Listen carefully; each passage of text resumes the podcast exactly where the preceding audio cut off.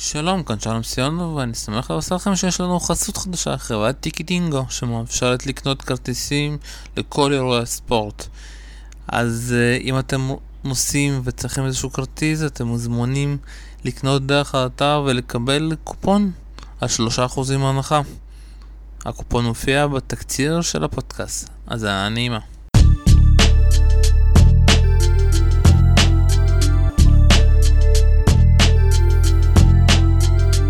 שלום שלום וברוכים הבאים לפודקאסטייה הבית הישראלי לפודקאסטים מכל מיני סוגים. אנחנו ממשיכים אה, בעולים לרשת ועכשיו אנחנו מתכוננים לקראת חצי הגמר שהולכים להיות ב-US Open ואיתי כאן שוב אלון עידן. מה קורה אלון?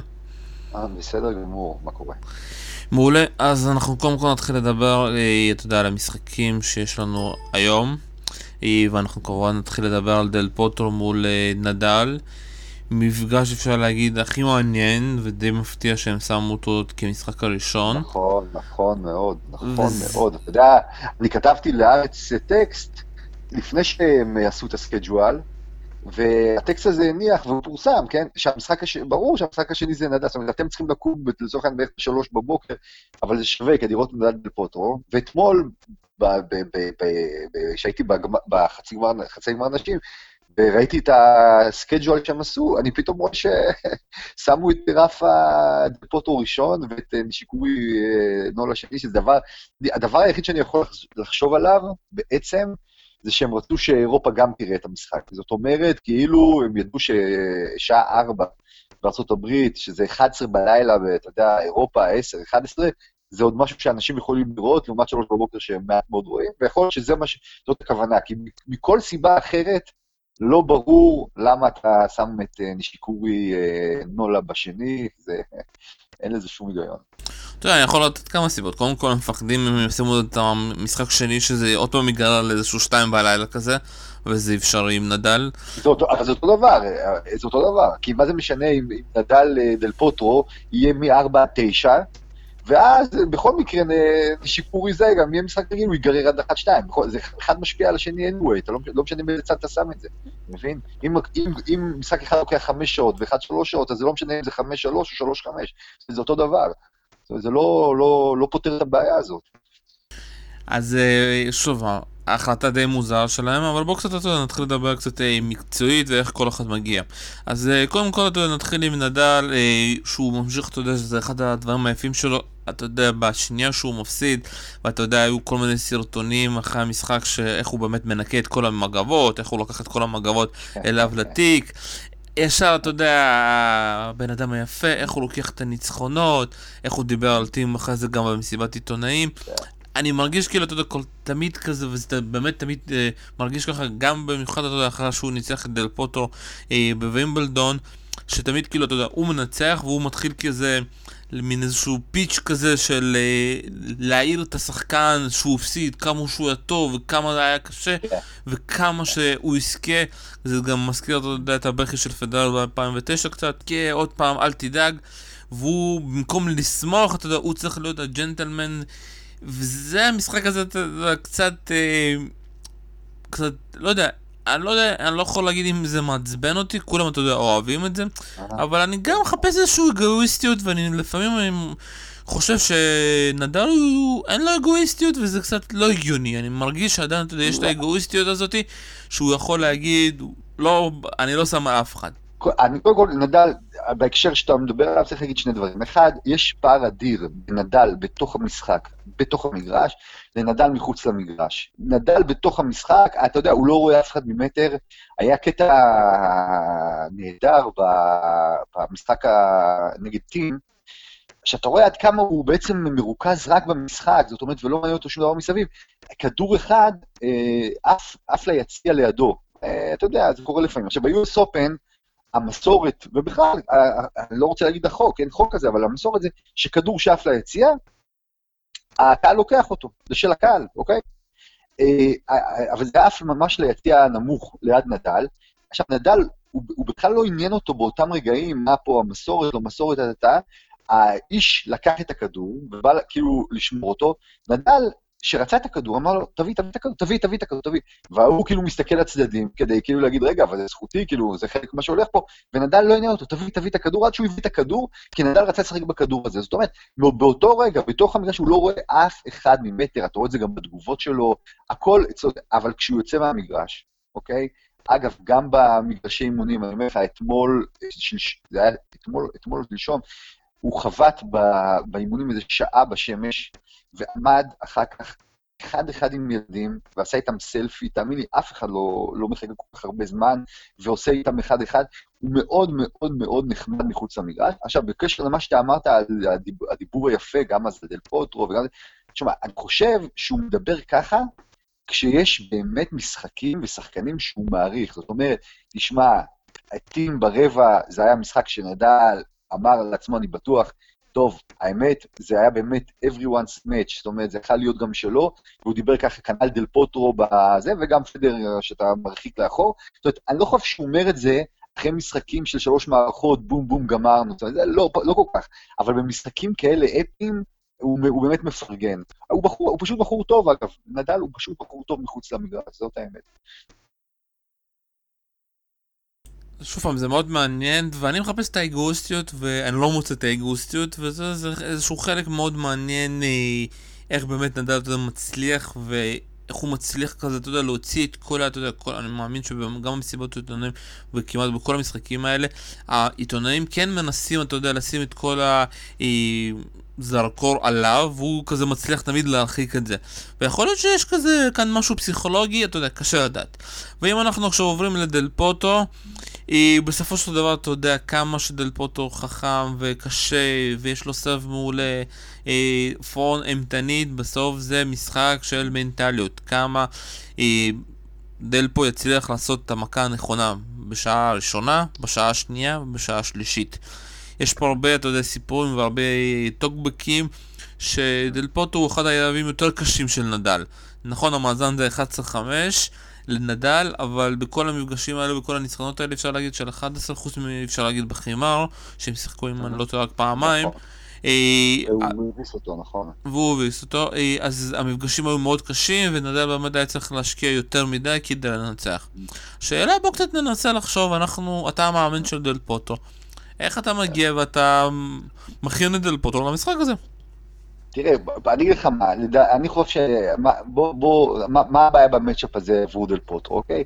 שני דברים. אחד זה התנועה, זאת אומרת, תשמע, הוא הולך היום לרוץ כמו שהוא לא רץ הרבה זמן.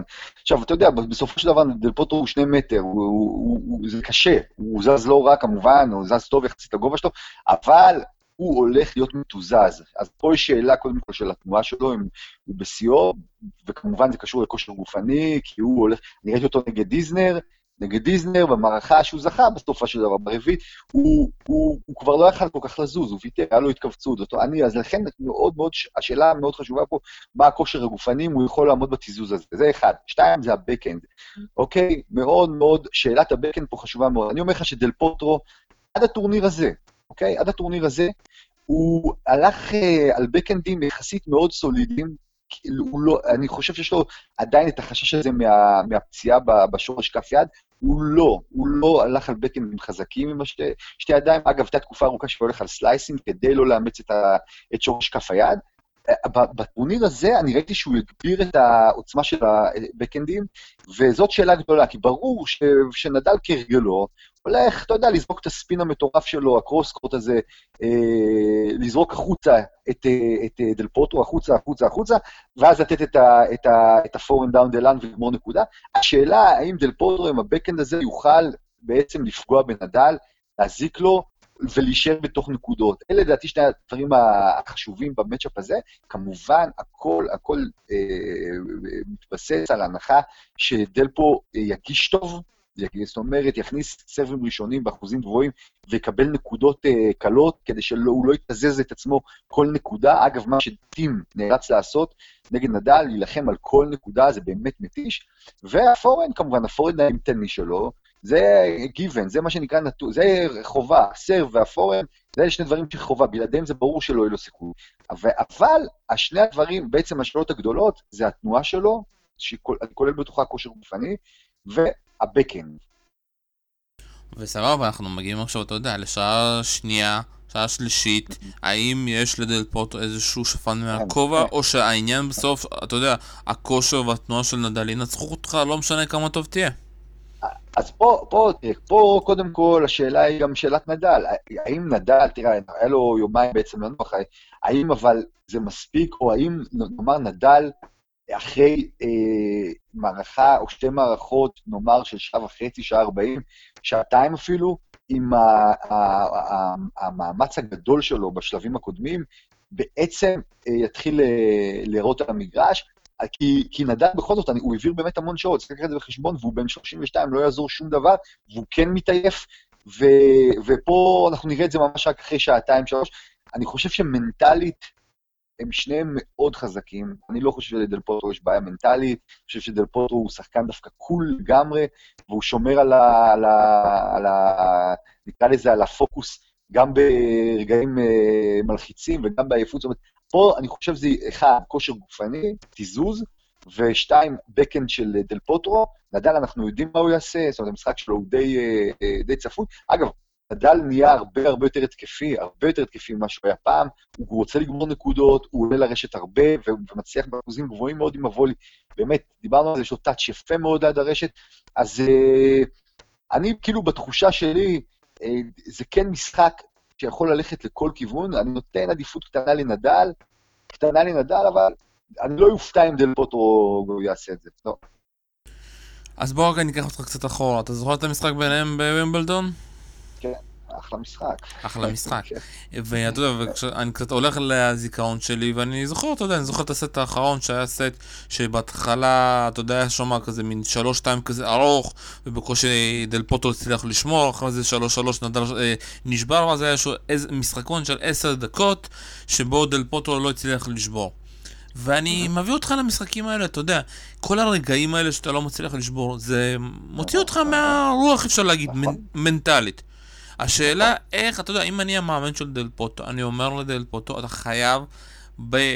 אחרי שעה, שעתיים, לקחת כמה שיותר, לנצל כמה שיותר מהר את הנקודות שיש לך. אתה לא יכול בנקודות החשובות להאריך את המשחק. עוד יוס, עוד יתרון, עוד יוס, עוד יתרון, כי בסופו של דבר, אם אתה הולך להפסיד את זה, אתה מאבד כל כך הרבה כוח, ודווקא שמה, אתה יודע, לא לבזבז את האנרגיה.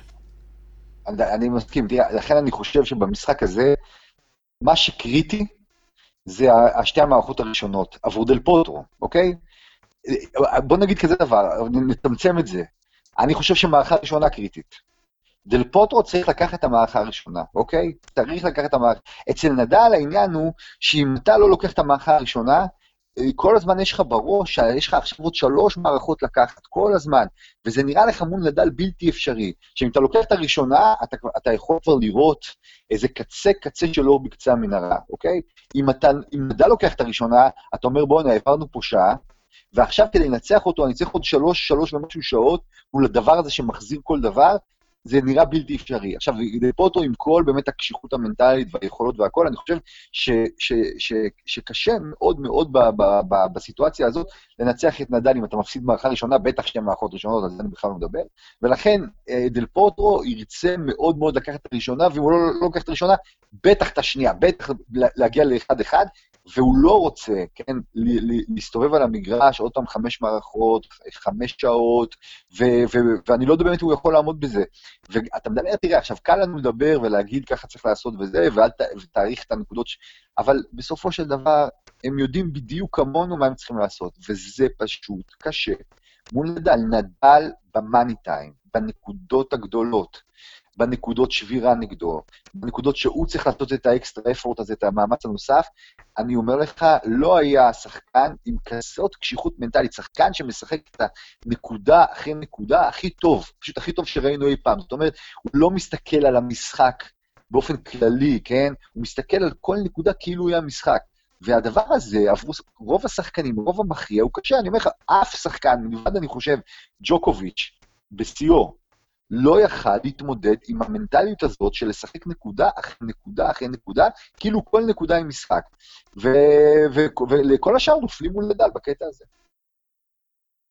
ואם כבר הזכרת באמת את הסרבים של נדל, אתה יודע, בעניין הזה של הנקודות שבירה, האם לדל פה, אתה יודע, מול איזנר, היה לו מאוד קשה בסרב השני של איזנר, הקיק שפשוט עף למעלה, נכון, והוא נכון, כמעט לא הצליח לקחת אותו. נכון. השאלה אם אה, דל פוטו יד- יד- יודע, אה, או ש... עזוב, אני מאמין שהוא יודע, השאלה אם הוא מסוגל, כי גם את איזנר הוא פגש לו פעם ראשונה, אני האם הוא אגיד אני אגיד לך מסוגל? משהו, אני אגיד לך משהו, אצל איזנר הסרב השני קיק סרב ש- גבוה, שהוא עד כדי כך גבוה שאפילו אה, בחור גבוה כמו דל פוטרו התקשה איתו. בכלל, קיק סרב בסרב השני זה, זה מכה בעיניי הכי טובה, הכי יעילה שיש. אני לא מבין שחקנים שלא הולכים עליה כל הזמן, בעיקר כשהיא החוצה. עכשיו, נגד נדל ברור, מה, מה ברור? שנדל ילך הרבה מאוד מהסרבים שלו, אה, אה, את ה, מה שנקרא, שהוא הוא מגיש החוצה לבקאנד של, אה, של דל פוטרו. זה מה שיהיה, זה רוב המכות שיהיו, אני חושב, כן? זאת אומרת, אה, הגשה החוצה לבקאנד של דל פוטרו. לכן אני חושב שהבקאנד של דל פוטרו הוא, הוא השאלה, סימן השאלה הגדול של המשחק הזה. אם הבקאנד הזה יעבוד טוב, והוא יוכל להחזיר סרבים, וגם סרבים שניים לדעתי, נדל יגיש לבקאנד שלו, אז, אז יש שם מה לדבר, אין, אין מצב שנדל יגיש לפורנד של אה, דל פוטרו, זה הרי התאבדות. אז ברור שהוא הולך להגיש החוצה מסובב, לא כל כך חזק, אבל העיקר שייכנס פנימה, החוצה ולבקאנד של אה, דל פוטרו. ואני אומר לך, המשחק הזה יימדד על כושר ובקאנד של דל פוטרו. אני לא יודע, אני חושב שבטורניר הזה דיבר על זה צ'יליץ', הייתי במסיבת עיתונאים של צ'יליץ', אחרי שהוא הפסיד לנישיקורי, ושאלו אותו כל מיני שאלות, וגם שאלו אותו על, על, על ה match-up של רפה נגד, אה, נגד דל פוטרו, הוא אמר הוא, שהוא נותן יתרון קטן, slightly, לנדל, בגלל ה match-up ה-head to head ביניהם וכולי, ומה שראינו השנה בגרנדסלאמים, אבל הוא אמר, אני חושב שדל פוטרו, אה, זה, מכה בטורניר הזה את הבקאנד יותר חזק משהוא היכה בתקופה האחרונה, ואני חושב שהוא צודק, הוא, אה, הוא קיבל ביטחון על הבקאנד, כנראה הוא מרגיש יותר טוב עם היד שלו, ו, וזה המפתח, אם הוא יצליח לה, להכניס את הבקאנד באחוזים גבוהים, בעוצמה טובה, ל, ו, ולא לפחד ולא לברוח לפורנד יותר מדי, כי כשבורחים לפורנד מול נדל, חושפים חצי מהמגרש, ואז איך, לך, לך תרדוף אחרי הכדור, אחרי הפור, ה forehand down the line שלו, שהבננה הזאת שאי אפשר באמת להגיע אליה, ולכן אסור לו לעשות את ה-run around הזה, את, את, את הבריחה לפורנד, הוא צריך לסמוך על הבקאנד שלו, ואז השאלה באמת, אם יש על מה לסמוך. ולפני שאנחנו עוברים לנובק דיוקוביץ', האם השעות הרבות של נדל תהיה בסוף השפעה מתישהו באיזשהו טורניר? כי אני מרגיש שנדל זה בלתי, אתה יודע, הוא יכול לרוץ כל משחק חמש שעות ולבוא אחרי זה לשחק עוד חמש שעות וזה לא כל כך רלוונטי. ואני תמיד חוזר, אתה יודע, אחרי המשחק המדהים שלו מול ורדסקו ב-2009, שאף אוהד פדרר אמר, מה, הוא מגיע מת, תשוש, פדרר לוקח קל. ובסוף, אתה יודע, רק בגלל זה, כאילו, המשימה, אני לא יודע אם גם המחנה הפדררי אז חשב ככה, רק בגלל זה ההפסד אז היה יותר קשה מכל ההפסדים לנדל לדעתי. נכון, נכון, נכון. לא, זה, תראה, השאלה פה של, ה, של השעות שהוא, שהוא היה למגרש, היא שאלה קריטית. קשה לדעת איתו. תראה, נגיד טים למשל, במשחק הזה, לי הייתה תחושה בשלב מסוים שהנה, נדל מתעייף. מתעייף, כי היה נראה לי במכה הרביעית שהוא מתעייף. אבל בחמישית, הוא עלה והוא רץ עדיין כמו אנרג'ייזר מצד לצד, ואמרתי לעצמי, בוא'נה, איך הוא עושה את הדבר הזה? אנחנו באמת כבר שעה חמישית של משחק, והוא, והוא שיחק באמת הרבה שעות, גם נגד בסילשווילי, גם נגד חדשנות. זאת אומרת, והאיש הזה ממשיך לרוץ ולרוץ ולרוץ ולרוץ. אז באמת, זה פלא גופני, האיש, השחקן הזה. ו, אבל אני לא, אני, לא, אני לא יכול לחשוב, באמת, עם כל זה שאנחנו מעריכים את היכולות שלו וזה, איך אחרי כל כך הרבה שעות, אם נגררים שוב לשעה רביעית וחמישית, שזה לא ישפיע עליו. אני לא, אני לא רואה כזה סצנריו. מצד שני, זה גם ישפיע על דלפו. עוד פעם, דלפו, אני אומר לך, במערכה רביעית נגד דיזנר, כבר היה לו התכווצויות, והוא לא יכל, והוא ויתר על נקודות רק כדי לקחת את הנקודות של ההגשה שלו. אז ברור שאם מגיעים לשעה רביעית וחמישית, אז זה ישפיע, גם אם זה ישפיע על נדל, זה ישפיע לא פחות, וכנראה אפילו יותר על דלפוטרו. טוב, קשה לי, אני אגיד לך את האמת, קשה לי להמר. הראש והמוח אומרים שנדל צריך לנצח פה כזה בארבע-חמש קשות, אבל הלב, הלב עם דלפו, עם דלפו... אני אומר לך ש... תראה, נדל הוא שחקן אהוב, כן? הוא שחקן אהוב. אה, אבל דל פה, צריך להבין, אני אומר לך, אולי חוץ מפדרר, אוקיי, שמגיע לכל מקום, וגם פה ב-US Open, וזוכה להערצה, בואו נגיד שהוא שני רק לסרינה פה בארצות הברית, אוקיי? אז אה, מיד אחריו זה דל פה. זאת אומרת, הוא שחקן כל כך אהוב. חוץ מהמעריצים הארגנטינאים שלו, באמת, שמגיעים לפה והם צורכים כל נקודה, בין נקודות, בין סרבים, מה שאתה לא רוצה, אבל גם הקהל כביכול האובייקטיבי, הרגיל, הוא פשוט מת על דלפו.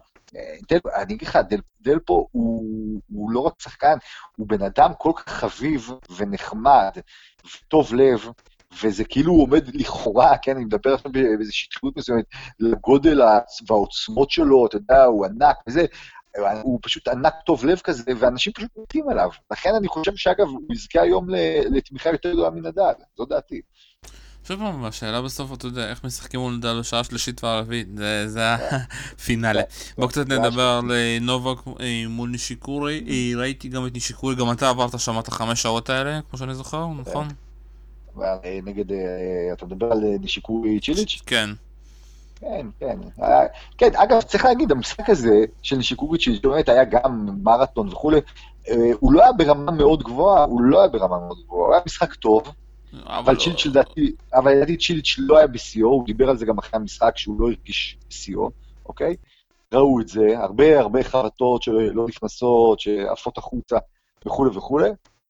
נישיקורי הפתיע אותי, כי בדרך כלל נישיקורי, בטח בשנים, בשנים האחרונות, הוא במערכה החמישית, והוא מתעייף, הוא מתחיל עם ההצגות, וככה וככה וזה, ומפסיד את הנקודות החשובות. פה הוא באמת נשאר כל הזמן, והצליח אה, איכשהו לנצח את המשחק הזה, אני חושב שזה הפתיע אפילו אותו. אה, אני לא יודע, נשיקורי, אתה יודע מה, אני מאוד אמביוולנטי לגביו. הוא כמובן שחקן מוכשר, ויש לו יופי של בקאנד ופורן, הוא משחק יופי מהקו האחורי, אבל הוא שחקן, אני חושב שאני נגיד היום נגד נולה, אני לא רואה אותו עם כל הכבוד, לא, לא רק שלא מנצח, אני אופתע אם הוא אפילו, אתה יודע מה, הוא יכול לקחת מערכה אחת. הוא יכול לקחת מערכה אחת. אני לא רואה יותר מזה. אה, זה בשבילו הישג מאוד גדול בכלל שהוא הגיע לחצי גמר ה-US Open בשלב הזה. הוא היה פצוע הרי התחילת עונה, זאת אומרת, הוא... לא, זה לא שהוא בשיאו או משהו כזה. אה, זה מס... אותי, אני רציתי שצ'יליץ' יעלה, ושיהיה צ'יליץ' אה, נולה, לדעתי משחק הרבה יותר טוב. אה, אבל אוקיי, לא, זה גם חצי גמר לא רע. אז אני אגיד לך שוב פעם, איך ראיתי את המשחק הזה. בסופו של דבר נישיקורי מול צ'יליץ' היה משחק שנישיקורי עמד. וחיכה לטעויות של צ'יליץ'. נכון, צ'יליץ', נכון. אתה יודע, כבר היה צריך לנצח, אפשר להגיד אחרי המערכה השנייה שהוא הוביל שם 4-2, ופתאום נפילה מנטלית מדהימה שהוא פשוט מחטיא. דאבלים בשובר נכון, שוויון, נכון. דאבלים בנקודות שבירה. אה, ונשיקורי פשוט גם עמד, אתה יודע, גם במערכה החמישית הוא הוביל 4-1, אה, איכשהו זה נהיה 4-4, ובסוף סרב אה, בנקודת שבירה, ופשוט נשיקורי מעביר אותו ללא בעיות. היה פה כאן, אתה יודע, היה פה הרבה דברים מעניינים. גם בטואד נשיקורי מוביל על צ'יליץ', גם במפגשים, ודווקא במפגשים ב-US Open, צ'יליץ' היה מוביל 3-1 וזה נהיה 3-2, אז הם אוהבים להיפגש, אפשר להגיד ב-US Open, אה, וצ'יליץ' שוב פעם, אנחנו חייבים, אתה יודע, גם להזכיר את המשחק הארוך שלו מול דמינר, ואחרי זה המשחק הקל שלו מול גופן, אז אני מרגיש שוב פעם, בגלל שהוא הגיע כזה... אה, עם הרבה שעות משחק, אז uh, עבד נגדו, לעומת נישיקורי שכמעט כל מי שהוא עבר, מונפיס פרש, אחרי זה עוד משחק uh, קל היה כבר, אני לא זוכר נגיד מי, אבל נישיקורי לא כל כך התקשה אפשר להגיד עד עכשיו עד שהוא הגיע, ועכשיו המשחק מול, נו, מול נולה. נולה מול מילמן, אתה יודע, הניצחון בשלוש מערכות הכי משקר שיש. הכי משקר, הכי משקר. הכי מילמן משקר. הוציא לו שם את המעיים. אה, תקשיב, אני אגיד לך מה הטעות. אתה יודע, המשחק הזה, שראיתי ראיתי אותו, זה קודם כל מסכים איתך, המשחק הכי מרמה שיש. אגב, גם אתמול החצי גמר אה, עושה כאן נגד קיז, התוצאה מאוד מרמה, הוא לא היה קל בכלל. אבל נכון, מילמן ג'וקוביץ' מאוד מרמה. הרגע המפתח שם, אני אומר לך, היה כשמילמן רצה להחליף בגדים, וביקש מנולה, הוא אמר לו, אני לא יכול, אני חייב, אני כולי רטוב וזה וזה וזה, ו- ו- ונולה הסכים. אני אומר לך שנולה היה, מבחינה פיזית, גמור. הוא היה גמור באותם רגעים, גמור. מי שהיה במגרש ראה אותו חצי הצגות אמנם, אבל חצי גם לא בטוח שהכל הצגה, הוא כאילו נטה ליפול כל הזמן. אחרי, אחרי נקודות, נטה ליפול ממש כאילו ללמוד מהרגליים. לא היה לו אוויר, פשוט לא היה לו אוויר. ומילמן יצא לרבע שעה הפסקה, עשר דקות הפסקת בגדים, ואני אומר לך, זה נתן לנולה בדיוק את העשר דקות שהוא היה צריך, ובכלל נולה גירד שם, גירד שם מערכות, גירד. והטעויות של מילמן היו, שמילמן, הגדולה שלו, זה שהוא יכול לעמוד שע, שעות על מגרש ולהחזיר כדורים. לכן הוא יריב אימונים מצוין, שפדרר רצה ולקח אותו וכל מיני כאלה. הוא, הוא יש לו את כל ההחזרות שיש, בקן מצוין ופורן מצוין, הוא יכול לעמוד ולהחזיר, ועכשיו יש לו כושר גופני אדיר, והוא זריז, והוא מגיע לכל כדור. הבעיה של מילמן הייתה קבלת החלטות. הוא לא היה צריך ללכת על ווינרים, פשוט לא היה צריך ללכת על ווינרים. הוא היה צריך, כשכל פעם שהוא הלך על ווינרים, אז הוא העיף החוצה, פגע ברשת וכולי וכולי, הוא היה צריך להתיש את נולה, עוד נקודה ועוד כדור ועוד כדור ועוד כדור ועוד כדור ועוד כדור, ונולה, אני אומר לך, הוא היה ממש בדיכאון, הוא אמר, אני לא יכול במזג האוויר הזה, בתנאים האלה, לרוץ עוד ועוד ועוד, וכל פעם מילמן פשוט הוריד אותו מהחבל, והתוצאה באמת רימתה, ועכשיו, אם אני, אני, תראה, אם נישיקורי יכול, אני לא יודע מה הכושר הגופני שלו, שגם נישיקורי תמיד, הוא מה שנקרא struggling, הוא פתאום מתחיל להיאבק בזה, בהתכווצויות, בזה, בכתפיים, בידיים, בזה, כל הזמן יש לו את הקטע הזה. אה, אם הוא, אם הוא מסוגל לעמוד באמת היום בשעה סביבות 7-8 בערב פה בניו יורק, ולהעביר עוד כדור ועוד כדור ועוד כדור, ולא לא, לא ווינרים, עוד כדור, עוד כדור, עוד כדור, עוד כדור. נולה, זה לדעתי כיום הבעיה שלו. הוא לא רוצה, אני אומר לך, פיזית הוא עדיין לא אה, אה, אה, מוכן לחמש מערכות של ארבע וחצי שעות, הוא גמור, פשוט גמור. השאלה אם שיקורים מסוגל לזה, אני בספק. אני גם בספק, אז אני אגיד לך כמה מילים על המשחק מול מילמן. מילמן, שוב פעם, לדעתי, הוא לא יכול להמשיך, אתה יודע, כל גיים אפשר להגיד, כל משחקון היה לפחות 10-15 מכות, ובנקודה, ונול, והיו שם נקודות שנולי אפילו, הוא רק החזיר כדורים, החזיר עוד כדור ועוד כדור ועוד כדור ועוד כדור, עד שמישהו פשוט ייפול ואתה יודע, יעשה את השטות. אבל, אבל, אבל נול היה נופל, נול היה נופל, לא הוא. והוא לא נפל. הוא כן נפל. נפל הרבה פעמים. הוא, אני אגיד לך מה, הבעיה הייתה שמילמן בשלב מסוים ניסה ללכת על ווינר. וכל פעם שהוא ניסה ללכת על ווינר, הוא, הוא, לא, הוא לא הצליח. הוא לא הצליח. עכשיו, כשהוא הלך על ווינר, הוא בעצם קיצר את הנקודה. במקום להמשיך, הוא היה צריך שכל נקודה תארך חצי דקה. אני אומר לך, זה מה שהיה שובר את נולה. נולה לא רצה לשחק את המשחק הזה. אבל מילמן חשב, כמו עם פנדרר, שהוא יוכל גם to pull it out, זאת אומרת, לא, להביא את ה-back and down the line החזק ולגמור נקודה, וזו הייתה הטעות שלו, שם הוא נפל. אני, אני אומר לך, הוא בנוי פיזית, מילמן, פיזית, מבחינת כושר גופני, למשחק ארוך הרבה יותר מנולה היום. וש, ולדעתי הוא עשה טעות טקטית, פשוט טקטית שהוא לא בא ואני אומר לך, יש לו את היכולת הזאת, הוא מחזיק כדורים נהדר, הוא מחזיק כל כדור, כל כדור, הוא מגיע לכל כדור. גם אתה לא יכול לתת לו דרופ שוטים כי הוא מאוד זריז, זאת אומרת, גם הוא יכול לעמוד מאחורה ולבוא מאוד מהר לכיוון הרשת. פשוט הוא היה צריך עוד סבלנות, עוד סבלנות, עוד סבלנות, לדעתי נולה כן היה להישבר. אבל אני לא חושב שנשיקורי מסוגל לעשות כאלה דברים. אז שוב פעם, אני חושב שהיו שם הרבה פעמים שכבר זה הגיע לאיזשהו לבל שגם מילמן לא יכול, אז הוא חייב לעשות איזשהו, אתה יודע, משהו התקפי. למה אתה חושב שהוא לא יכול? כי אני חושב... יש לו, תקשיב, אין לו בעיית כושר גופני, לנולה יש. נכון, אבל בנקודות, לא, אבל בנקודות ספציפיות זה כבר מגיע לגבול שכבר אין לו. אני מסכים איתך שלאורך לא, משחק הוא יכול להמשיך... שלנולה בתוך נקודה, אתה חושב, היו נקודות שנולה בתוך נקודה יש לו יותר כוח לרוץ מאשר למילן? כן, כן, לא רואה את זה בתוך לא, נקודה. הכושר הגופני, הכושר הגופני של מילן כל כך הרבה יותר טוב, שאני לא רואה סיבה שבתוך נקודה, ג'וקוביץ' יהיה לו יותר כושר ממילמן. למה? מילמן יכול לרוץ כל ראלי הרבה יותר, יותר, הרבה יותר מרחק, הרבה יותר מהר מאשר רנולה היום. כן, אני אגיד לך... לכן אני אומר לך, זה לא היה עניין של... זה, זה היה עניין, אני אומר לך, זה לא היה עניין של אני, שמילמן עייף והוא רוצה לגמור את הנקודה. זה היה עניין שמילמן מקבל כדור טיפה יותר גבוה, והוא חושב שאת זה הוא יכול להנחית ולגמור את הנקודה, והוא טועה, הוא לא יכול. הוא לא, הוא לא מוכשר מספיק. אז אנחנו לא נסכים, כי אני חושב שאני, אתה יודע, אני אבדוק את. המאזן הזה, כמה נקודות אה, נול לקח ו-20 נקודות ומעלה, וכמה, אתה יודע, מילמן, כי אני חושב שנול, שם כבר הקטע המנטלי משפיע. בוא נתקדם. אה, תקשיב, המנטלי זה, אני אומר לך מה זה מנטלי. מנטלי זה שב-20 חבטות אתה ממשיך לחוות לא ווינרים. אני אומר, אה, מילמן, אני הייתי נותן לו בתור מאמן עצה כזאת בחיים.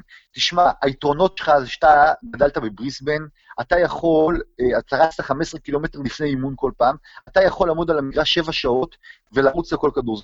החסרונות שלך, שאתה לא מספיק מוכשר כדי להכות ווינרים. אוקיי, זהו. לכן, שחקנים כאלה, כמו נולה, כמו אפילו רפה וזה, אתה תביא את היתרונות שלך, תרוץ 7 שעות, עד שהם יפלו מהרגליים. אתה אל תלך על ווינרים, הם אולי יכולים ללכת על ווינרים כי הם קצת יותר מוכשרים. אתה הולך להחזיר כל כדור, תשחק מכוער ותנצח. זה, זה מה שמילואן צריך לעשות. ואני אומר לך, אם הוא יעשה את זה, גם הוא יגיע הרבה יותר גבוה ממה שהוא הגיע עד היום.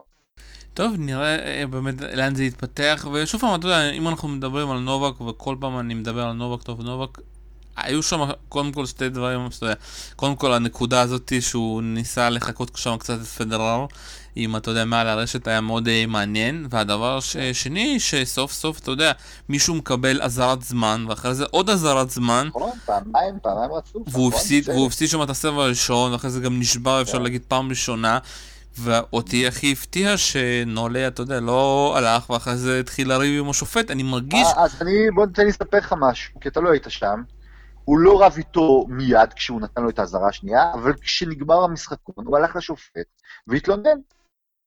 הוא הלך, הוא הלך לשופט, לפני שהוא מתיישב על הספסל, והתלונן. הוא לא יכל להמשיך הלאה, עזוב, נו, הוא המשיך, קודם כל, תראה, בשורה התחתונה, מה יש לו, על מה יש לריב? זה לא, אתה יודע, פעם נתנו אזהרת זמן כשהשחקנים לא ראו את השניות ורק השופט ראה, אוקיי? אבל פה יש לו שעון מול הפרצוף, מול ההגשה, כן? השעון הוא מול ההגשה. זאת אומרת, אתה רואה את זה כל הזמן. עכשיו, מה, מה, מה אתה משחק אותה? כאילו אתה מופתע. אבל, עכשיו, תראה, לפעמים הם סוחטים, גם הוא וגם נדל, את השעון, שהם עושים את הטוז, הם מניפים את הכדור כשכבר השעון על שנייה אחת ומראה אפס. זאת אומרת, החבטה עצמה היא כבר אחרי הזמן, אבל כמובן לא יעצרו אותם באמצע זה שכבר... ממש עד השנייה האחרונה. פה במקרה הזה כבר היה אפס עוד לפני שהוא אה, אה, אה, העיף את הכדור, אתה מבין? זאת אומרת, על מה, אז מה הוויכוח פה? החוק לא מוצא חן בעיניך יופי, זה דבר עם, עם הסבב, אבל מה זה קשור? ובאמת, הוא עשה את זה פעם, אחרי פעם, והשופט, כמו שצריך, נתן לו את האזהרה, וזה היה בסדר גמור, אבל נולה הלך אחרי הזה, לפני שהם מתיישבים על הספסל, וכמובן, התלונן. לא, אני אגיד לך שוב מה מעניין, כי גם נדל קיבל כמה אזהרות כאלה, ונדל, אתה יודע, פעם אחת הוא באמת קיבל את זה, אני זוכר, ופעם אחת הוא האשים את השחקן השני, הוא אמר, איי, אבל הוא לא היה מוכן, אני חיכיתי לו. ואני תמיד... אתה יודע מה, אני רוצה להגיד לך משהו, שראיתי גם בטים נגד נדל. נדל, יש לו שני דברים שמוצאים מהדעת. אתה יודע, שיושבים בין משחקונים, אוקיי? בדקה הזאת שיש, ואז השופט אומר טיים, היי, תעלו למגרש. לא, אני לא מבין למה אה, כל שחקן, בטח טים, מיד קם והולך למקום שלו, ונדל ממשיך לשבת, רק כשאומרים טיים, יש לו את הטקסים שהוא מתחיל לעשות. הוא ישים עליו עוד פעם את הקרח, הוא ישים את הבקבוקים, הוא איזה, יביא את המגבות, ורק אחרי 15 שניות או 10 שניות אחרי שאמרו טיים, ושהשחקן כבר מחכה לו, אז רק הוא יגיע למגרש. הוא תמיד לוקח עוד איזה חצי דקה, אני אומר לך, על הדבר הזה. זה אחד. שתיים, אני אומר לך, שבסרבים של טים, זאת אומרת, של היריב, השעון של 25 שניות הגיע ל-4 ו-3, ממש לסוף, בגלל שנדל עוד לא מוכן. נדל עוד לא מוכן. נדל הולך לשם, הולך לשם, הולך לשם, הולך לשם. הוא רוצה, אני אומר לך, כטקטיקה, למרות שזה נראה כמו OCD וכל הטקסים והכול, הוא רוצה להרוויח כל הזמן עוד 20 שניות מנוחה, עוד 20 שניות מנוחה, עוד 20 שניות מנוחה, עוד חצי דקה מנוחה. הוא אוסף, הוא יודע שאם אתה עושה את זה אחרי כל נקודה, ואחרי כל משחקון שאתה לא קם בזמן ואתה מושק את זה עוד חצי דקה, אתה מקבל עוד חצי שעה של הפסקה במשחק. ולשחקן כמו נדל, שמתזז כל כך הרבה, החצי שעה הזאת קריטית, בדיוק כדי לא להתעייף במערכה החמישית. ואני חושב שלא הגיוני בסוף שהשחקן המגיש, מחכה 20, בעצם הוא, אה, טים מגיש מהר, זאת אומרת, הוא, למעשה אם זה היה תלוי בו, אז היית רואה אותו מגיש כשנשאר 15-16 שניות על השעון. אבל הוא הגיש ב-4-5 שניות כי הוא היה צריך לחכות לנדל. כנ"ל לגבי לקום מהספסלים, כל פעם היית צריך לחכות עוד חצי דקה. תחבר את זה כל שני משחקונים חצי דקה, תקבל עוד איזה 10-15 דקות במשחק, אפילו יותר. והדברים האלה, גם בהם יצטרכו לטפל, כי זה משה את המשחק, ומשחקים של באמת 4 שעות ו-50 דקות, למעשה, באמת, הם 4, הם 4 שעות, אוקיי? וכל הזמן לוקחים עוד ועוד, וכל השחקנים שבאמת מתזזים רוצים כל הזמן את ההעסקות שלהם. וזה לא פייר כלפי השחקנים שמשחקים טניס התקפי יותר, והטניס התקפי הוא יותר מסוכן, כי אתה הולך על הקווים וכולי וכולי, והפתרון שלך צריך להיות שאתה פחות מתעייף בעצם, כן? אתה עומד פחות שעות על המגרש, כי אתה הולך התקפי. בסוף אתה גם עומד הרבה זמן, זאת אומרת, גם מסכן את עצמך בטניס התקפי, וגם עומד בסוף חמש שעות, כי השחקן השני גורר זמן. ולדעתי זה פשוט לא, לא, לא הוגן. טוב, אין לי פה משהו אחר חוץ מלהסכים איתך, אה, ובואו קצת נסיים את זה כי יש לנו, נשאר לנו קצת זמן, חמש דקות, אה. ואני רוצה לדבר קצת על אנשים. אז אה. לסיכום, אתה יודע, עם כל מה שהיה לנובק במשחק הזה מול מילמן, מילמן ממש באמת הפתיע אותי לטובה שהוא יכול באמת לעמוד, ואני מקווה באמת ש... כל העניין הזה, מה שקרה ביוס אופן, זה באמת ייתן לו את הביטחון להמשיך, וגם בטורנירים הקטנים, שזה יותר קשה, בלי קהל, בלי כל האייפ מסביב, ודיוקוביץ' חי, אפשר להגיד, על הפיזיות שלו בינתיים, וחי, אפשר להגיד, גם בגלל היריבים שלו, שהם לא מצליחים לעמוד איתו בש... בתנאי מזג האוויר האלו, ועכשיו יהיה מאוד מעניין באמת איך נישיקורי יתמודד מולו מבחינת התנאים. שוב פעם, נישיקורי אני חושב שאם הוא יכול לנצח את המשחק זה רק אם באמת נולה יהיה לו אחד הימים הכי גרועים שיש לו, כמו שהיה לו ב-2014, כי אז באמת זה היה משחק מדהים שנובק לא הצליח לעשות שום דבר, החום הרג אותו. ואני נותן פה איזשהו 3-1, 3-0 כזה קשה לנולה. אה, בואו קצת נדבר, אתה יודע, על גמר נשים שהולך להיות אוסקה מול סרינה. אנחנו מדברים פה הרבה זמן, וזה באמת לא סבב אנשים, אבל בואו שוב נדבר דווקא על השמות החדשים, בואו קצת נדבר על אוסקה, שבאמת הפתיע אותי אתמול אה, ב-13 נקודות שבירה, איך היא, אתה יודע, התמודדה איתם כל פעם סבב אה, ביתרון כזה, לטי כזה מסובב, כי לא יודע, לא יודע מה לעשות. ובסוף, אתה יודע, כששואלים אותה, מה, מה חשבת לעצמך שהיית בנקודות האלה? היא אמרתי לי, רציתי לשחק מול סרינה. למה? ככה, כי זה כן. סרינה, וזה, אתה יודע, וזה מין אה, מטרה שאתה שם לך, אני רוצה לשחק בגמר, אני רוצה לשחק מול סרינה, לבדוק את ה... האם באמת, אז שניצחתי אותה במיאמי, זה באמת היה בגלל שהיא הייתה רעה, או שזה בגלל שיש לי מצ'אפ טוב? וזה באמת שאלת מיליון הדולר, אתה יודע, כי בסוף סרינה יכולה דווקא בגלל ההפסד ההוא לבוא ופשוט להתפוצץ עליה עם 6-1-6-1, או אתה יודע, פתאום יכולה להגיע לאיזושהי מערכה שלישית שבו אוסקה נותנת שם, עושה את ההפתעה הכי גדולה. ואני אגיד לך, אם אוסקה מנצחת בגמר, זה אחת ההפתעות הכי גדולות שהיו, והיו הפתעות.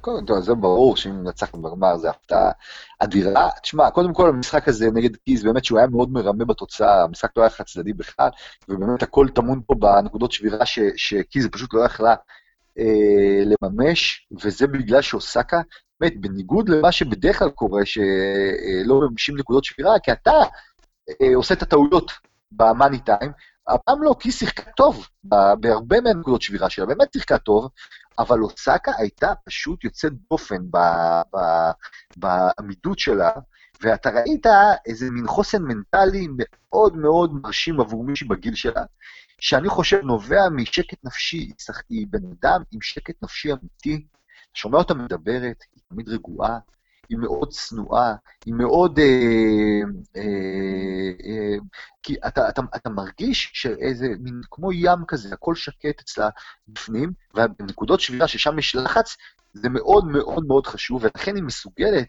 לבצע פעולות שבדרך כלל היד רועדת במאני טיים הזה, כמו סרבים על הקו, כמו סרבים שיוצאים החוצה בדיוק בזה, כמו, עזוב, בתוך משחק, לא רק הסרב עצמו, בתוך משחק פתאום back and down the line, על הקו, במאני טיים, תשמע, זה היה מדהים לראות את זה חוזר עצמו שוב ושוב ושוב ושוב, וקיז עצמה, אני ראיתי בשלב מסוים, מחייכת לעצמה באיזו אה, מרירות כזאת, של וואלה, מה זה הדבר הזה? אה, זה לא יכול להיות, אבל זה כן היה יכול להיות, ולכן התוצאה באמת מרמה, היה משחק אה, טוב, היה ממש משחק טוב, אחרי באמת החצי גמר של סרינה נגד אה, סבסטובה, שזה היה, וואו, זה היה מדכא לראות את הדבר הזה, מדכא שחצי גמר אה, גרנדסם נראה כמו שהוא נראה ככה. זה היה משחק טוב. תשמע, אתה יודע מה, בוא נגיד מכל המצ'אפים שיכלו להיות פה, שהייתי מצפה להם, זה מצ'אפ שאני אוהב אותו בגמר. זאת אומרת, זה גמר שאני שמח ללכת לראות אותו, אוקיי? כי אה, יש, יש כל מיני שחקניות שהן היו מגיעות, הייתי אומר, חבל על הזמן. פשוט חבל, חבל על הזמן של כולנו, כי בואו ניתן לסרינה את הגביע וזהו.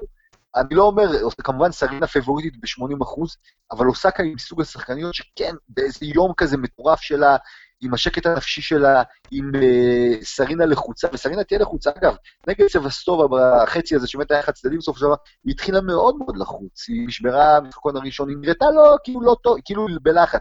אז ברור שבגמר הזה היא תהיה בלחץ, אנחנו יודעים מה עומד פה על הכף. היא גם לא לקחה הרבה שנים קיוס אופן, וגם, כמובן, מרגרט קורט, לשם היא מכוונת כל הזמן בעצם להיות השחקנית הגדולה בהיסטוריה, והיא השחקנית הגדולה בהיסטוריה. אני, אני לא חושב שמישהו יכול לחלוק על זה, השחקנית הגדולה בהיסטוריה, אבל היא צריכה, היא רוצה שזה יירשם גם במספרים, וזה יירשם במספרים בסופו של דבר, אז היא תהיה לחוצה, אוסקה תצטרך לנצל את הלחץ הזה, אני אהבתי את זה שהיא אמרה, שזה מה שהיא רצתה, היא רצתה לשחק נגד סרינה באמת, כן? אני חושב שזה אה, לא מוריד כלום, ההפך, זה מעלה, אתה יודע, היא לא באה כאיזה רק מעריצה שתידרס על ידי סרינה, אני חושב שהיא כן תבוא ותיתן טניס טוב, יש לה שקט נפשי, יש לה מגוון חבטות, אני חושב שיש לה בעיה קשה בסרב השני, יש לה סרב ראשון טוב, בסרב השני שאתה לא טוב, הוא לא טוב, הוא בדרך כלל חלש מדי, וסרינה יכולה לנצל את זה כדי להפציץ אותה, ולכן, בגלל שהיא יודעת שהסרב השני שלה חלש מדי, אז יהיה לה לחץ גדול על הסרב הראשון, ואז אני מקווה שהיא תעמוד בלחץ הזה. כמובן, נקודה אה, נוספת זה המאמן שלה, שכמובן היה אה, חובט הכדורים של סרינה, כן? עד לפני אה, כמה שנים, ו... ואני בטוח, בטוח, בטוח, מכיר את סרינה יותר טוב מכל אחד אחר. זאת אומרת, מישהו שייתן טיפים לאוסקה, יש לה, אוקיי? את הטיפים הנכונים. אני חושב שהוא גם רוצה לסגור חשבון שם עם סרינה, שדיברה עליו כל כך יפה בשרה בסדרה שלה, הדוקו הזאת. אה, אז מהבחינה הזו זה, אם היינו צריכים לבחור מצ'אפ מבין מה שנשאר, ב, בוא נגיד, בריבי גמר, חצי גמר, זה המצ'אפ. אתה יודע, כל העניין הזה של החילופי מאמנים זה תמיד uh, מעניין, ואני זוכר, אני לא יודע אם אתה ראית, ראיתי סרט על uh, בלוטרי, שעשו לו מין uh, עליו דוקו כזה. כן, נכון. יצא לך לראות? כן, כן. אז אחד הדברים ששאלו אותו, uh, שהוא פתאום נהיה מאמן של בקר, איך מנצחים את uh, אגסי. כי איך מנצחים את אגסי? והוא אמר שם משפט מאוד יפה. בטניס בקר לא יכול לנצח אותו. רק אם הוא ייכנס לו לראש ויתחיל לשגע אותו, הוא, הוא ינצח, ואז אותו בסרט מראים שהוא באמת שיגע את uh, אשתו, את החברה של אגסי, ואגסי באמת השתגע, ובקר ניצח. וגם לכאן אני אומר, כמה מאמן כבר, אתה יודע, יכול לבוא, כל העולם מכיר את סרינה, יודע, יודעת איך הם משחקים. אוסקה ניצחה אותה, בסופו של דבר אתה צריך במשחק להיכנס לראש. ואוסקה היא קצת ביישנית, ואתה יודע, ואוסקה פתאום לא תתחיל לעשות לך אה, מין משחקים, לא, לא, ולהתחיל לא, לא, לדבר לא, יפה. היא לא, היא לא, תעשה את זה, לא. אגב, אתה יודע, אתה מזכיר בולוטיירי, אבל בקר, כן, זה מישהו כזה חצוף וחסר גבולות, שהוא יכול לעשות את מה שהוא עשה לאגסי. אוקיי? יש שחקנים כאלה, מקנרו בטח יכול לעשות כאלה דברים, וקונורס המרושע יכל לעשות כאלה דברים. היום, אתה יודע, אתה מסתכל על, ה, על הטניס, השחקנים הרבה יותר, נקרא לזה, נחמדים באופן כללי, כן? והם לא עושים כאלה. אוסקה היא ממש גרסה... חוץ מקיריוס. קיריוס עשה את זה. קיריוס כמובן, טוב, אבל כן, קיריוס, אתה יודע, קיריוס, הוא לא צריך שאפילו מאמן יגיד לו לעשות את זה, הוא פשוט ככה, הוא כזה. באופי שלו, הוא, אתה זוכר עם וברינקה וכולי וכולי, מה, מה הוא עשה, נכון, אה, אבל אוסקה היא, היא, היא אקסטרים נחמדה, והיא בחורה טובה, והיא לא תעשה כאלה דברים, זאת אומרת, להיכנס לראש של סטרינה במונחים של להיות אה, נסטי, זה לא המקרה. היא תצטרך להיכנס, בוא נגיד, אה, לשחק טניס ברמה הכי גבוהה שהיא יכולה, להיות אתה יודע, איכשהו לקוות שהלחץ על סרינה, ויהיה לחץ, הלחץ הוא על סרינה, עושה קבעה בלי שום לחץ, היא עשתה את שלה לגמרי, הרבה מעל ומעבר, הלחץ יהיה על סרינה, היא תצטרך את הלחץ הזה להמיר ליתרון, ובעיקר, גם אם זה היה הבעיה עם סבסטובה, בסדר, אז אה, סרינה יכולה להפסיד שני משחקוני הגשה במערכה הראשונה, בסוף כאילו זה מתיישר. אה, אוסקה תצטרך לוודא שזה לא יתיישר כל כך, זאת אומרת שהיא תמשיך להפעיל לחץ ככה שאם סרינה תתחיל לא טוב, זה יימשך הלאה, ולא ייגמר אחרי שניים, שלושה משחקונים כשהיא תרגיש יותר משוחררת. עכשיו, זה קל להגיד כל הדברים האלה, אבל לעשות את זה, לדעתי, זה מאוד קשה, ואתה יודע, באחוז מאוד גבוה סרינה הולכת לקחת את זה.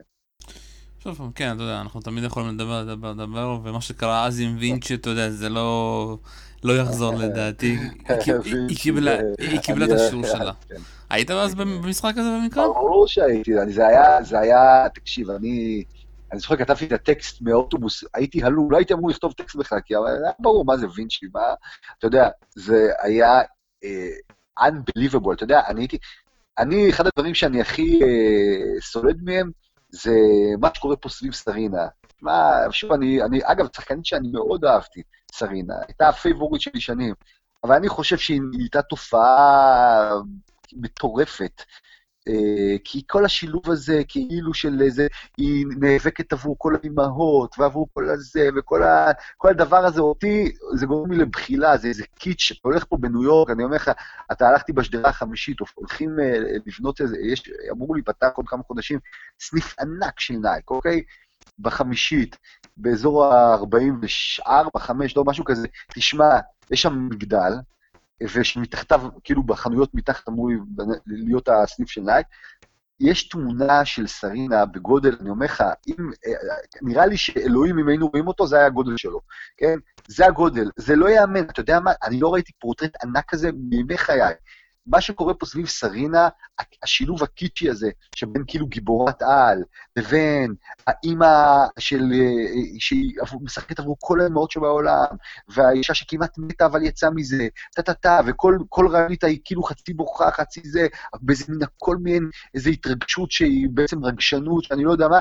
אני, האמת, קשה לי עם זה, אין לי כוח לדבר הזה. צחקי טניס, הבנו, צחקנית מצוינת, הכי גדולה, הכל טוב. אבל האמריקאים, כמו שהם יודעים, מנפחים כל דבר, הכוכב מאמין לניפוח ונכנס לתוך התפקיד שלו במשחק, ואתה יושב ואתה רואה איזה מין בלון נפוח כזה, בלון הליום שמרחף כאילו ביציעים. אני, לכן, אני לא אוהב את כל תופעת סרינה הזאת, היא כאילו נראית לי מוגזמת, היא כאילו משהו שהוא באמת, כמובן שחקנית גדולה, הלוואי שעושה כתפות. טוב, עם כל הפיץ' הזה אנחנו חייבים לסיים, וכמו תמיד היה כיף, ובהצלחה, אתה יודע, בחצי הגמר, אני מקווה שלא ישאירו אותך כזה עד שתיים בלילה שם. אתה יודע, דרך... שישאירו, אם יהיו משחקים גדולים, זה בסדר, שישאירו. נובק נשיקורי עד 1-2 בלילה זה... כן, זה סבל, זה סבל. לדעתי זה סבל. וזהו, ננסה לדבר גם מחר. תודה רבה לך, אלון עידן. ביי ביי. כאן היה שלום סיונוב, ותודה רבה שהקשבתם לעולים לרשת. ביי ביי.